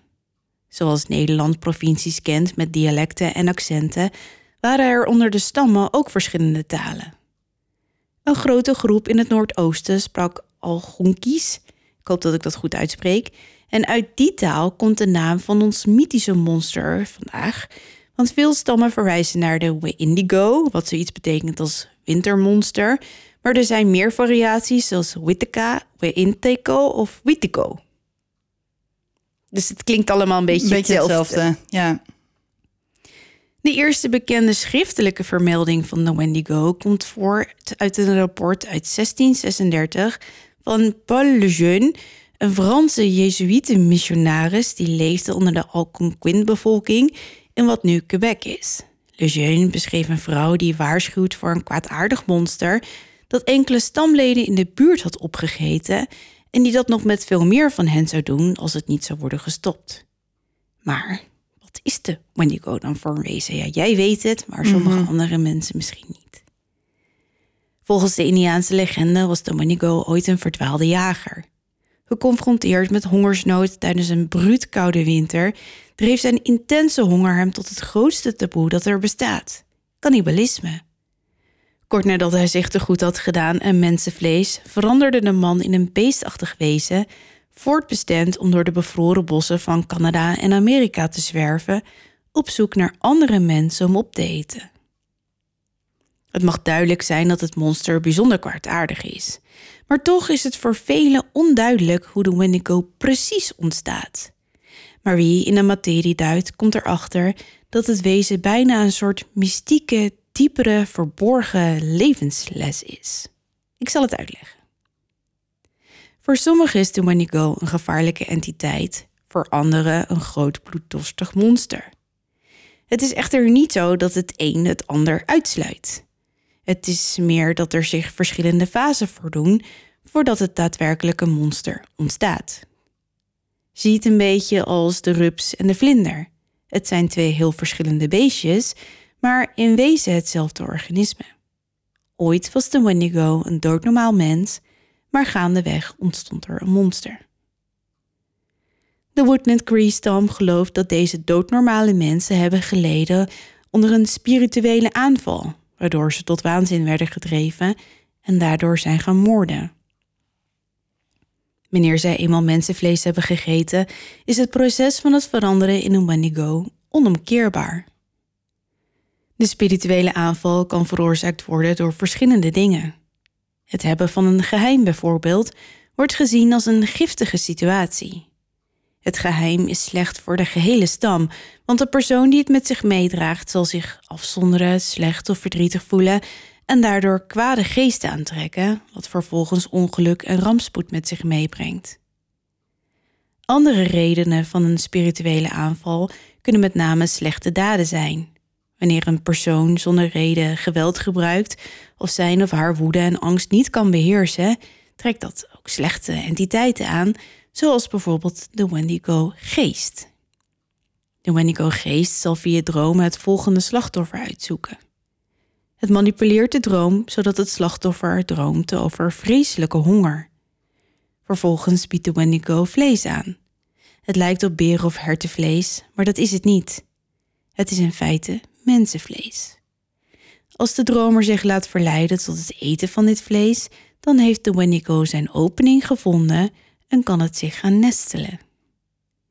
Daarna volgen nachtmerries over ijs en kou en is de volgende fase van transformatie aangebroken. De Wendigo-geest kan bezit nemen van zijn slachtoffer. De meeste stammen in het Noordwesten gebruiken het werkwoord Fikisco om de verandering te omschrijven. Opvallend genoeg vindt deze transitie vaak plaats in de winter. De omgeving van het slachtoffer heeft meestal wel door wat er aan de hand is. Dit hele proces wordt ook wel going windigo genoemd. Soms is er nog genezing mogelijk, maar alleen als er nog geen mensenvlees geconsumeerd is. Er wordt dan verwarmd berenvet gegeven in de hoop dat dierlijk vet de drang naar doden van mensen vermindert. Mocht dat niet baten en kan de familie het niet over het hart verkrijgen het familielid in transitie te doden, dan wordt diegene verstoten. Er zijn verslagen bekend over een man genaamd Napanin die heel bewust zijn transformatie meemaakte. Hij zei tegen zijn familie dat zijn hart als ijs aanvoelde en dat hij dingen zag die niet konden. Soms zag hij zijn eigen kind als berenwelpje voor hem staan en wilde hij het doden voordat de moederbeer zou opduiken. Napanin voelde dat hij groter en sterker werd en zijn gezicht begon op te zwellen. Zijn spieren stonden altijd strak gespannen en een intense woede gierde door zijn lichaam. Uiteindelijk kon hij steeds minder goed praten en stootte hij dierlijke geluiden uit. Hij smeekte zijn familie iets te doen. De stam werd bang voor hem en bond hem vast, maar telkens wist hij los te breken. Toen hij op een dag een jong kind greep, was de maat vol en werd Napenin gedood door het opperhoofd. Dit redelijkerwijs uit angst voor de veiligheid van de stam. Napenin werd gedood, maar degene die dat niet worden, maar juist verstoten, ja, daar gaat het vaak mis. De Wendigo-geest laat de realiteit voor zijn slachtoffer compleet vervagen. Zo erg dat deze het verschil tussen wat echt en nep, mens of dier, niet meer kan onderscheiden. Het slachtoffer wordt geteisterd door intense honger en woede en zwerft door de bossen op zoek naar nieuwe slachtoffers. Het nieuw ontstaande monster heeft nu een oncontroleerbaar verlangen om mensen te doden en ze daarna op te eten. In zijn laatste en meest heftige vorm ziet het er vreselijk uit. Een lang wezen met mensachtige trekjes. Het hoofd lijkt op een skelet waar horens uit groeien. Het heeft een hart van ijs en er hangt een ranzige geur om hem heen. Eén die ruikt naar rottend vlees. De huid heeft geen haar meer, maar soms wel een asgrauwe, vale vacht en de lippen zijn meestal teruggetrokken of weggekauwd door grote puntige tanden. De ogen liggen diep in de kassen en zijn leeg, maar tegelijkertijd wild en wijd open. Het wezen is fel overbeen met overal uitstekende botten. Toch is het niet zwak, maar juist enorm sterk en in staat een volwassen man te overmeesteren. Hoe meer het eet, hoe groter het wordt. Het maakt een afgrijzelijk, hijgend, bijna grinnikend geluid en is in staat om te spreken. Het zwerft door dichte, donkere bossen en is extreem gevaarlijk. Soms zal Wendigo zijn slachtoffers dagenlang volgen en stalken voordat het uiteindelijk toeslaat. De intense jachtskills van het monster worden nog eens extra benadrukt door een enorm goede reukzin en zicht. En daarnaast is het in staat om geluiden kilometers verderop op te vangen. Het geniet zelfs van een jacht op mensen en stelt soms doelbewust een aanval dagenlang uit, gewoon omdat het kan. Ontsnappen aan Wendigo is bijna onmogelijk, net als het doden van het wezen. Een manier waarop het misschien lukt is een pijl en boog waarvan de speerpunt uit zwaar metaal bestaat. Een andere oplossing is het wezen insmeren met dierlijk vet, waardoor het in brand gestoken kan worden en dat er vervolgens voor zorgt dat het hart van ijs smelt. Nu heb ik echt geen idee hoe je dat voor elkaar zou nee, ik wilde net zeggen, maar hoe vang je hem dan? Ja, Met een lasso? Niet. Um, sommige methoden om het wezen uit de buurt te houden zijn minder fijn. Uh, er zijn wel verslagen bekend waarin baby's die te zwak zijn om te overleven in zakken in bomen worden gehangen. Als een soort van lokaas, soort van. Uh, nou, niet een lokaas, maar meer een makkelijke prooi, zodat ja. de rest van de stam veilig is. Ja. Voorlopig. Ja. Het is ondertussen wel duidelijk, denk ik, dat het monster nauw verbonden is met het winterseizoen. Een sombere en vaak meedogenloze tijd van het jaar. Een tijd waarin voedsel uiterst schaars is. Graan of gewassen verbouwen is onmogelijk. Dieren liggen diep verstopt in hun holletjes tijdens de winterslaap. En een hongersnood ligt dan constant op de loer. De winter is dan ook de periode waarin de Wendigo het meest actief is. Ze lijken haast wel een manifestatie van koude temperaturen en erbarmelijke omstandigheden. Er wordt geloofd dat ze het weer kunnen beheersen en razende sneeuwstormen kunnen veroorzaken. De Wendigo is ook verbonden met de Kawatin, de geest van de noorderwind. En het woord Wendigo wordt soms ook gebruikt wanneer er een sterke arctische wind staat. En ik heb het nergens gevonden, maar je zou denken wind, Wendigo ja. dat het misschien toch wel een beetje verband houdt. Ja. Er zijn wel verhalen bekend over aanvallen van het wezen in de zomermaanden, maar dat is buitengewoon zeldzaam. Volgens de legende volgen Wendigo's sneeuw en ijs. En wanneer de lente komt en de dagen langer en warmer worden, trekken zij naar de Arctische Pool en trekken zich terug met de smeltende sneeuw. Bij veel stammen is het taboe om in de zomermaanden zelfs maar het woord Wendigo te noemen, omdat het onder het Adizu-Kanaan-type valt. Een verhaal dat alleen verteld wordt in de winter om zo zijn waarschuwende kracht te behouden. Een van de meest gevreesde aspecten van de Wendigo is naast zijn monsterlijke gegrinnik zijn vreselijke gebrul. In veel verslagen mondelinge verhalen is dit de eerste waarschuwing dat er een Wendigo nadert. Het wordt vaak beschreven als een geluid dat de grond doet schudden, waardoor hele dorpen in paniek raken. Slachtoffers raken bevroren van angst en blijken uiteindelijk te traag in het terugtrekken en in veiligheid brengen van hun familie. In andere gevallen moet het bevroren raken letterlijker genomen worden, omdat de Wendigo zijn slachtoffers bevriest, waardoor hij ze makkelijk kan vangen en dan mee kan, Mee kan nemen. en verslinden. Tijdens de lange wintermaanden wordt het kinderen verboden om sneeuw te eten, uit angst dat hun hart onbedoeld zal veranderen in ijs. Ja, dus ik- dan bevriest het en dan... Ja, ik heb daar een klein voorbeeldje van. Dat, ik las tijdens mijn research. En dat geeft dan een beetje weer hoe dat dan... Ja, want je denkt dan hoe dan? Maar luister maar. Eh, want ik heb dus een stukje waarin dat inderdaad omschreven wordt. In dit verhaal weigerde een vader een vrijer... omdat hij vond dat zijn dochter nog niet oud genoeg was voor de vrijer... En die werd vervolgens boos en liet het jongste kind van de man, een zoon, sneeuw eten. De dochter wist echter van niets en liep met de vrijer weg. En totdat zij enkele weken later in de middag terugkeerde naar huis en haar moeder nog in bed trof. Ze vond het vreemd dat haar moeder rond dit tijdstip nog sliep en dus liep ze naar haar toe om te kijken of alles in orde was. Haar moeder lag echter doodstil en wilde niet bewegen. En het meisje werd bang en ze boog zich voorover en legde haar hand op haar moeders wang. Maar die was ijskoud. Ja. Maar plots zag het meisje de dekens bewegen. Met een ruk trok ze ze weg en tot haar grote schrik zaten ze onder het bloed. Bovenop haar, ja, dus overleden moeder, zag ze haar jongste broertje. Ja, het jongetje was wild geworden en was de borst van zijn moeder aan het opeten. Eh, het kind was dus Wendigo geworden. En snel haalde het meisje hulp en door enkele sterke mannen werd het jongetje meegenomen en ja, gedood. En later verklaarde zij dus dat er ijs op zijn ruggetje zat. En de vader was woedend, want ja, hij wist natuurlijk meteen wie er verantwoordelijk was voor nou ja, deze situatie. Ja. Want dat was de vrijer van zijn dochter Mhm. geweest. ja. Want die had het kind sneeuw laten eten. Maar goed, er zijn talloze verhalen. Eh, ik vond er nog één. Want zo is er ook het volgende verhaal uit 1878. Dat gaat over Swift Runner. Swift behoorde toe aan de Woodland Cree stam, waar ik het net ook al over had. Hij was pelsjager van beroep en gids voor de sheriff. Hij woonde in de buurt van Edmonton, vlak over de grens van Canada. Hij was een grote man van bijna twee meter lang met een gezet postuur. En volgens zijn buren was Swift, ondanks zijn nou ja, best indrukwekkende uiterlijk, een vriendelijke man en geliefd persoon. Hij was getrouwd en had samen met zijn vrouw zes kinderen, om wie hij veel gaf en waar hij graag voor zorgde.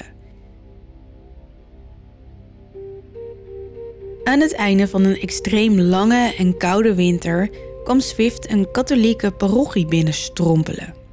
De priesters maakten zich zorgen. De winter was zo koud geweest en voedsel zo schaars dat velen waren gestorven. En dat was precies wat Swift hen te vertellen had. Zijn hele familie had het niet overleefd. Maar toch merkten de priesters al gauw iets vreemds op. Swift was helemaal niet vermagerd, ondanks de erbarmelijke omstandigheden. En daarna werden hun vermoedens dat er iets niet in de haak was, alleen maar meer bevestigd toen Swift vreselijke nachtmerries leek te moeten ondergaan, waarin hij schreeuwde over ijs en sneeuw. Het gevoel van onbehagen werd de priesters te groot en ze schakelden de sheriff in. Die kwam en ondervroeg Swift. Samen keerden ze terug naar zijn winterkamp en daar stuitte de sheriff op een ondiep graf. Uiteraard vroeg hij Swift om opheldering en die verleende meteen zijn volledige medewerking. Ja, zijn zoon was inderdaad gestorven en hij had de jongen hier begraven. Maar het was niet zijn schuld. Er was iets gebeurd iets heel ergs. Midden in de winter was er een Wendigo verschenen.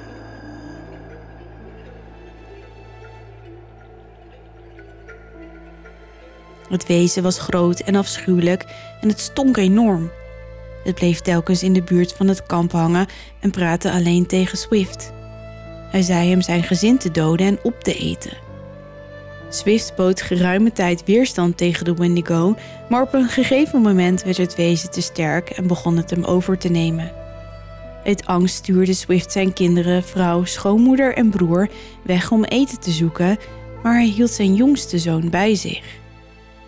Nadat iedereen vertrokken was, kwam er een stem in Swifts hoofd en zonder twijfel trok hij zijn wapen en schoot zijn zoon dood. Daarna sneed hij de jongen in stukken en at zijn vlees.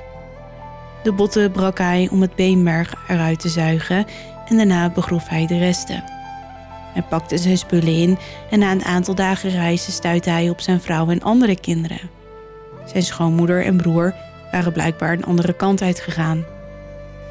Hij vertelde zijn vrouw echter wel dat een jongste zoon gestorven was door verhongering. Zijn vrouw was meteen argwanend en geloofde zijn verhaal maar half. Dat wekte enorme woede op bij Swift en die avond bij het kampvuur schoot hij zijn vrouw in haar borst. Ze was op slag dood.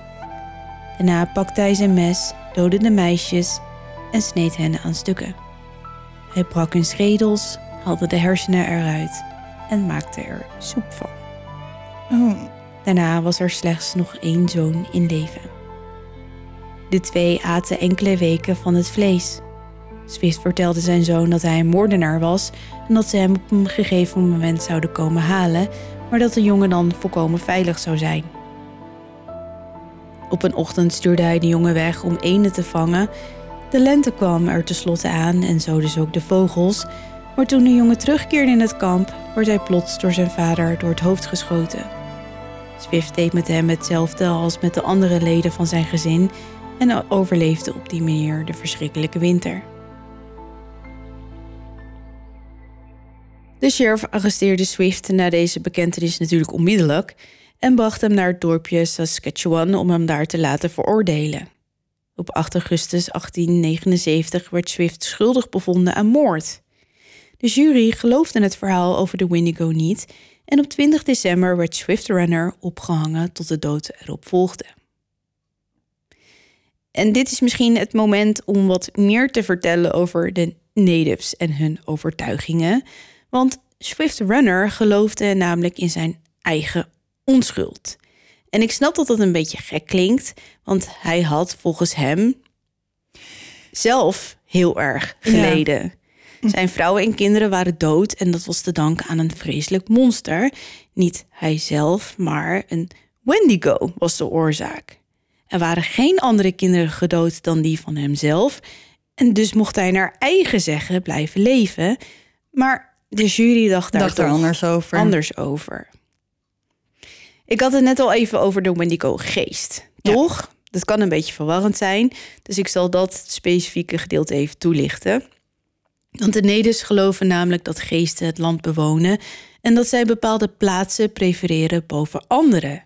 Dit zijn meestal geografische gebieden met bijzondere kenmerken, zoals bijvoorbeeld Lake Wendigo op Star Island, wat een meer in een meer is. Deze ongewone gebieden of locaties krijgen vele unieke namen die een spirituele status weerspiegelen. Zo wordt het dan een plaats van geesten of een medicijnplaats, die tevens goed of slecht kan zijn, of soms ook een heilige plaats wordt. Eh, en op die manier kan een plaats dus magische krachten bezitten of Mhm. nou ja, bijzonder zijn. Veel vroege kolonisten beschouwden deze plekken als heidens. Hoe kan het ook anders? Ja, natuurlijk. Al die geesten van de Indianen waren totaal niet zo christelijk als zij gewend waren uit Europa. Goede, kwade geesten, vreemde locaties met rare namen. Het was allemaal heel erg in tegenstrijd met wat er in de Bijbel stond. Heel eng. En veel kolonisten waren bang voor Indiaanse magie. Het was makkelijker om aan te nemen dat het allemaal duivels waren dan om meer te leren over het volk en hun overtuigingen. Mhm. En dit was dus precies wat Swift Runner, nou ja, min of meer overkwam. Voor de christelijke jury was zijn daad een brute moord. Voor de Indianen was hij het slachtoffer geworden van een Wendigo. En dus moest hij het met de dood bekopen. En nu ben ik wel een beetje benieuwd naar jouw mening. Ehm, Het lijkt me meer iets wat een samenloop van omstandigheden in de winter is. Dus het is heel lang donker, geen vitamine D. Je verveelt je, want in de lente en de zomer ben je aan het jagen en aan het bouwen en constant bezig. In de winter kan dat allemaal niet. Een beetje, misschien krijg je dan een soort van cabin fever. Misschien wel, ja. Ehm, vliegt het je allemaal gewoon aan. Ehm, hongersnood. ja, Alles bij elkaar. hongersnood is no joke. Nee. Nou ja, wat ik las, eh, als je in een dorp woont, heb je de grootste kans om te overleven. Maar veel gezinnen. ehm, kijk, bij de Indianen was het zo dat als vrouw trouwde je meestal met een man van een andere, Andere stam, wel van jezelfde stam, maar die stammen die deelden zich ook op in Ja. dorpen. En dat was om dan een beetje te mengen, want anders dan Ja, wordt het een heel klein clubje. Precies. Dus wat deden gezinnen dan? Die gingen dan op reis naar die andere, Andere. dorpen. Maar dat deden ze dan in kleine clubjes. En als je dan net in een sneeuwstorm. Eindigt, dan moet je dus kamp opslaan. Dus dan, eh, nou ja, en, eh, Ja, maar zet je hebt natuurlijk op, je niet zoveel maken. voorraden bij je. Nee, en dan kan het al heel gauw heel erg misgaan. Ja, En dan krijg je dus dit soort ja. dingen. En het is natuurlijk folklore, dus Ja, maar ik kan me best voorstellen dat het een soort van cautionary tale is geworden. ja. Ehm, van jongens, let op in de winter, pas op jezelf. Mhm, Ehm, dat zeg ik. kijk goed naar anderen. de diepere levensles. Ja, Ja, precies wat je zegt. Weet je wel, er ligt gevaar op de loer. Inderdaad, het is koud, het is erbarmelijk, het is eenzaam. je hebt niks te doen. Nee, bedoel, eh, wij kunnen de hele dag Netflixen, als we willen. zeker. Ehm, kijk, en ik kan me best wel voorstellen... ze zullen heus wel karweitjes gedaan hebben. Jawel. Maar het is natuurlijk niet in de lente en de zomer... ben je volop keihard aan het werk om je voor te bereiden op die winter... waarvan je weet dat die gaat komen en dat die Mhm. heel zwaar gaat worden. Dus alles wat je in de maanden daarvoor doet... is voor die winter. Ja, En dan is het een beetje... dan is het winter... en dan, En dan ga je op je, op je kont zitten. wachten tot En voorbij wachten, is. wachten tot het voorbij is. En Ja. dan, je kan niet even een kruiswoordpuzzel doen. Of Nee. ehm, eh, gewoon iets. Ik denk dat dat... En als je al eh, een soort van niet helemaal mentaal stabiel bent... Nee, ehm, dan vliegt het je echt aan, denk ik. ja, zeker. En die bossen die zijn, eh, die zijn extreem Heel hoor. bossig, ja. Op TikTok zit ik een beetje in een soort van Appalachian Scary Woods loop. Oh, maar die zijn eng? Dus ik krijg nu de... Ja, die, Die zijn, zijn heel echt eng. Daar krijg ik dus nu de hele tijd verhalen op mijn tijdlijn over verhalen uit de Appalachen. Ja, Dat is dus een heel uitgestrekt, voor wie het niet weet, eh, bosgebied ja. eh, aan een beetje zeg maar midden-oostkant van Amerika. En die zijn inderdaad Die zijn heel, echt heel erg eng. En maar het is er ook echt heel arm. En dat helpt ook niet heel erg. Arm als in? Als de mensen hebben er gewoon heel nou, weinig. op die fiets. Ja, ja, ja. ja, ja, ja. dus het is allemaal een beetje. Maar het, is wel, ja, maar het is wel een hele populaire plek om te hiken. Want Ja. mensen gaan dus die Appalachian, App- Appalachian Ja. Trail eh, lopen. Ehm, is ook heftig. ja, dat is zeker heftig. Maar wat ik dus heb geleerd van TikTok, Ja. dat als je in de bossen je naam hoort Mhm. en er is niemand in de buurt, get the hell Ja, ja, ja. out there. Ja. Want dan zit er dus iets achter je aan Ja. wat je niet wil hebben. Ja, maar Dus- ook al of het nou een stalker of de buurman is. Als, Of een Wendigo. als ik in mijn eentje daar loop en iemand roept mijn naam, dan is het sowieso foute bol. Maakt niet, uit, maakt niet uit wie het is. Nee. Ehm, nee. nee. Maar goed, ik kan me dus heel goed voorstellen, diep in de bossen, met een sneeuwstorm om je heen. Je bent eenzaam. Je Ja. begint tegen de sneeuwvlokken te praten. En op een gegeven moment denk je dat ze terugpraten. Ja, maar dat kan ik me echt wel Ja, ik ook. voorstellen. Niet zo, niet zo, niet zo nice. Nee, en met dit verhaal doe ik me trouwens ook er aan denken. Want we hadden het natuurlijk ook over de Europeanen en eh, geloof.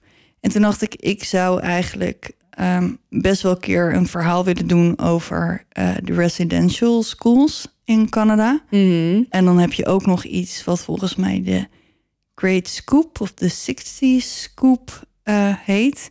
In ieder geval iets met scoop. Ehm, maar ik zit er echt heel erg tegenaan te hikken, want het is echt heel heftig. Ja, dat gaat, En, en heel lang. Dat- En ja, dat gaat over die reformatiescholen, toch? ja, Dat kinderen van natives, ja, worden weggehaald door de... eh, christelijke ja, communities, om dan vervolgens... Ja. ehm, nou ja, eh, ge, ge, ja. ge- ik, denk, um, ik eh, denk dat de meeste mensen de strekking wel snappen. Ja, Het doet me denken aan een, eh, aan een, eh, een van mijn lievelingsboeken. Even kort. Dat is eigenlijk een beetje andersom. Dat gaat over, een, een, eh, over de kolonisten en een, een klein meisje. eh, Cynthia heet ze. Een christelijk meisje wordt gejat door de Comanche-Indianen. Mhm. Want zij, de, de Indianen waren natuurlijk ook geen lievertjes. Die, die pleegden ook overvallen andersom. Kan ik me enigszins voorstellen. Want als jij wordt aangevallen, nou ja, op jouw land. Precies. En zij wordt dus opgenomen in een, in een Indianenstam bij de Mhm. Comanches. Groeit daarop. Trouwt met een Indiaan. Krijgt kinderen van hem. ehm, en wordt na 20 jaar bevrijd. Oh. Tussen aanhalingstekens. En wordt vervolgens weer in een, in, een, in een christelijke gemeenschap geplaatst. Waar zij totaal niet meer kan aarden. Want Nee. zij heeft zoiets van: ja, maar ik, ik heb net 20 jaar. Ja, bij, dat, dit is mijn leven niet meer. Nee, ik wil niet daar weg. Want deze mensen die, die staan veel dichter bij mij. Zij is Ja. eigenlijk gewoon een soort van nou ja, Indiaanse geworden. Ja. En, nou ja, uiteindelijk loopt het best wel treurig af. Want ja, Ja, ik hoef het niet te weten. Hoe heet het boek? ja ik wist dat je die vraag ging stellen. dus ik heb het even opgezocht. Het boek heet Nadua en het is geschreven door Lucia Sinclair Robson. Oké. Het gaat dus helemaal over haar leven en het wordt verteld vanuit het perspectief van Cynthia. Eh, maar het is echt groot en meeslepend. En oh, ik was helemaal, helemaal Je zat er helemaal in. ja, want ik heb, ik eh, hou van de Indianen. Ik weet niet zo goed waarom, maar ik heb natuurlijk een ontzettende ding met Amerika Ja. en met de Indianen. Ik weet niet zo goed waarom. Maar niet met Chicago. Niet met Chicago. Nee, daar eh, heb ik denk ik in een vorig leven iets raars meegemaakt of zo, Ja. want dat trekt me niet. Nee. Maar ehm, ja, dat, dat heb je toch wel eens. Iets waar je heel graag heen Ja. wil. Of veel mensen herkennen dat denk ik wel. Ja. Iets waar ze zich verbonden mee voelen. Nou, Mhm. ik heb dat een beetje met de Indianen. Ehm, dus nou ja, het is, het is, eh, het is een, eh, ja, een roman. Het is wel een beetje... eh, nou, nou, ik weet, ik weet niet of het aangedikt is. Maar het is een mooi verhaal. Dus Oké, nou ja. mocht je het willen lezen, Ja. het is wel een, een aanrader. Tja. Oké, tot slot. Ieder jaar is er in Wisconsin het Wendigo Fest. Oh, net als het Motman Festival. Ja, het is ieder jaar rond Halloween. En er is best wel wat leuks te doen. Er is een costume contest. Dus wie de beste Wendigo kostuum maakt. Ehm, ze hebben er spooky vendors. Dus allemaal enge aangelegenheden. Je kan er spelletjes spelen. Ehm, er zijn, ik weet niet zo goed waarom, maar er zijn buikdanseressen. Oh, ja, oké. die, die doen ieder jaar dezelfde act en die schijnt mateloos populair te zijn. Eh, er is een Halloween parade en er is een, een rat show. Dus dat is ook wel grappig. Dat komt vandaag toch ook weer een beetje terug, die ratten de hele tijd. Ja. Eh, die laten ze dan door een doolhof lopen. En wie het eerst aan de andere kant is met zijn rat, heeft gewonnen. Eh, en meestal komen er wel paranormale researchers. eh, en daar mag je dan een tocht mee door het bos doen. En dan gaan ze met IMF-meters kijken of je... Of er een in de buurt is. ja. Precies. Oké. Eh, en er is vaak bandjes, live muziek. En, Ja. en toegang is gratis. Oh. Dus als we het Mothman Festival hebben gehad, kunnen we daarna naar Een Wendigo, Wendigo Fest. Fest. Ja, En dan maken we onze tijd wel vol, Ja. denk ik. denk ik ook wel, ja. Ik denk niet dat we aan eh, plekken en evenementen tekort hebben daar. Nee. Dus als je nog wat leuks weet in Amerika, Ja, ja laat het ons vooral weten. ja, dan zetten we het op de lijst. En dan Ja. ja. ja, gaan, Gaan we over een jaar of tien eens een keer. Ik denk dat we wel 58.000 kilometer moeten rijden door Denk ik ook, ja. Amerika om alles aan te tikken. Maar ja, Ja. wie weet... eh, Jij weet het niet. Blijf lekker luisteren. Dan krijgen jullie live verslag van ons in Amerika. Ja. Allemaal leuke dingen en zo. En, eh, Je zit heel erg leuk te bewegen met je armen. Maar dat ziet niemand. Nee, maar ik vind het heel leuk. Oké jongens, ehm, het zit er weer op voor vandaag. Ja, Ja, ik zat te denken, we zijn helemaal niet, allebei niet, in het kerstthema gebleven. Voor het eerst in bijna vier jaar ja. hebben wij geen thema-uitzending gedaan. Nee, ik zat wel nog een beetje met Thanksgiving, maar niet met Dat is kerst. al lang geweest. Ja, I know. Hmm. Ja. Ja, Sorry, raar hè? man. Ja. ja, nu je het zegt. Ja, helemaal niet over nagedacht. Maar het Nee. komt ook een beetje dat we al zo week of vier aan het kwakkelen zijn Ja. met z'n allen. Dus ik denk, We zijn al lang blij als we überhaupt een aflevering eh, ja, eruit hebben voor jullie. ja, precies. Want we hebben een beetje getwijfeld of we het dan toch moesten uitstellen. Maar we zijn ervoor gegaan. Ja, Dus dit is het geworden. we hebben ons best weer gedaan, jongens. precies. Ehm, nou, vergeet de webshop niet. Je hebt Nee. nog heel, heel, heel even. Echt heel even. De tijd begint nu wel te dringen. Dus als je nog iets wil, doe het dan nu. Ja, Want het is een beetje onduidelijk wanneer die weer open gaat. We Ja. zullen proberen het niet weer twee, jaar, te laten duren. Maar ehm, sla wel je, la- je laatste slag, want het is bijna zover. ja. Verder wensen wij jullie een heel erg goed uiteinde dit jaar. Ja. Hou je vingers alsjeblieft. En je andere ledematen. En je oren, anders kan je niet meer naar duister luisteren. Dat zou ook vervelend zijn. Ja. Ja, pas goed op jezelf. En alvast een heel erg gelukkig nieuwjaar allemaal. Volgend jaar bestaan we vier jaar. ja, dat moeten we wel vieren. Ja, daar moeten we ook, ook nog over nadenken. We hebben het zo druk. En iedere keer zeggen we, oh ja, februari, februari. En dan is het februari of half maart. En dan, Oh ja. ja. De eerste twee jaar hebben we ons redelijk wel... ehm, Maar toen was het corona. Nu is het echte leven behoorlijk aan de Ja, gang. dat is waar. En dan, nou ja, we lopen af en toe een beetje achter de feiten aan. ja. Dus, Helaas. nou, vergeef het ons. We zijn er. Ja. We gaan ook niet weg. We gaan ons voorbereiden. Alvast langzamerhand op het nieuwe seizoen. Nieuwe special en het vijfde jaar. Dat komt helemaal goed. Ja joh, komt Ja. helemaal goed. Voor nu, goed uiteinde. Bedankt voor het luisteren. Tot over twee weken. En onthoud, Blijf in het licht. Want, Want je weet nooit wat er in het duister op je wacht.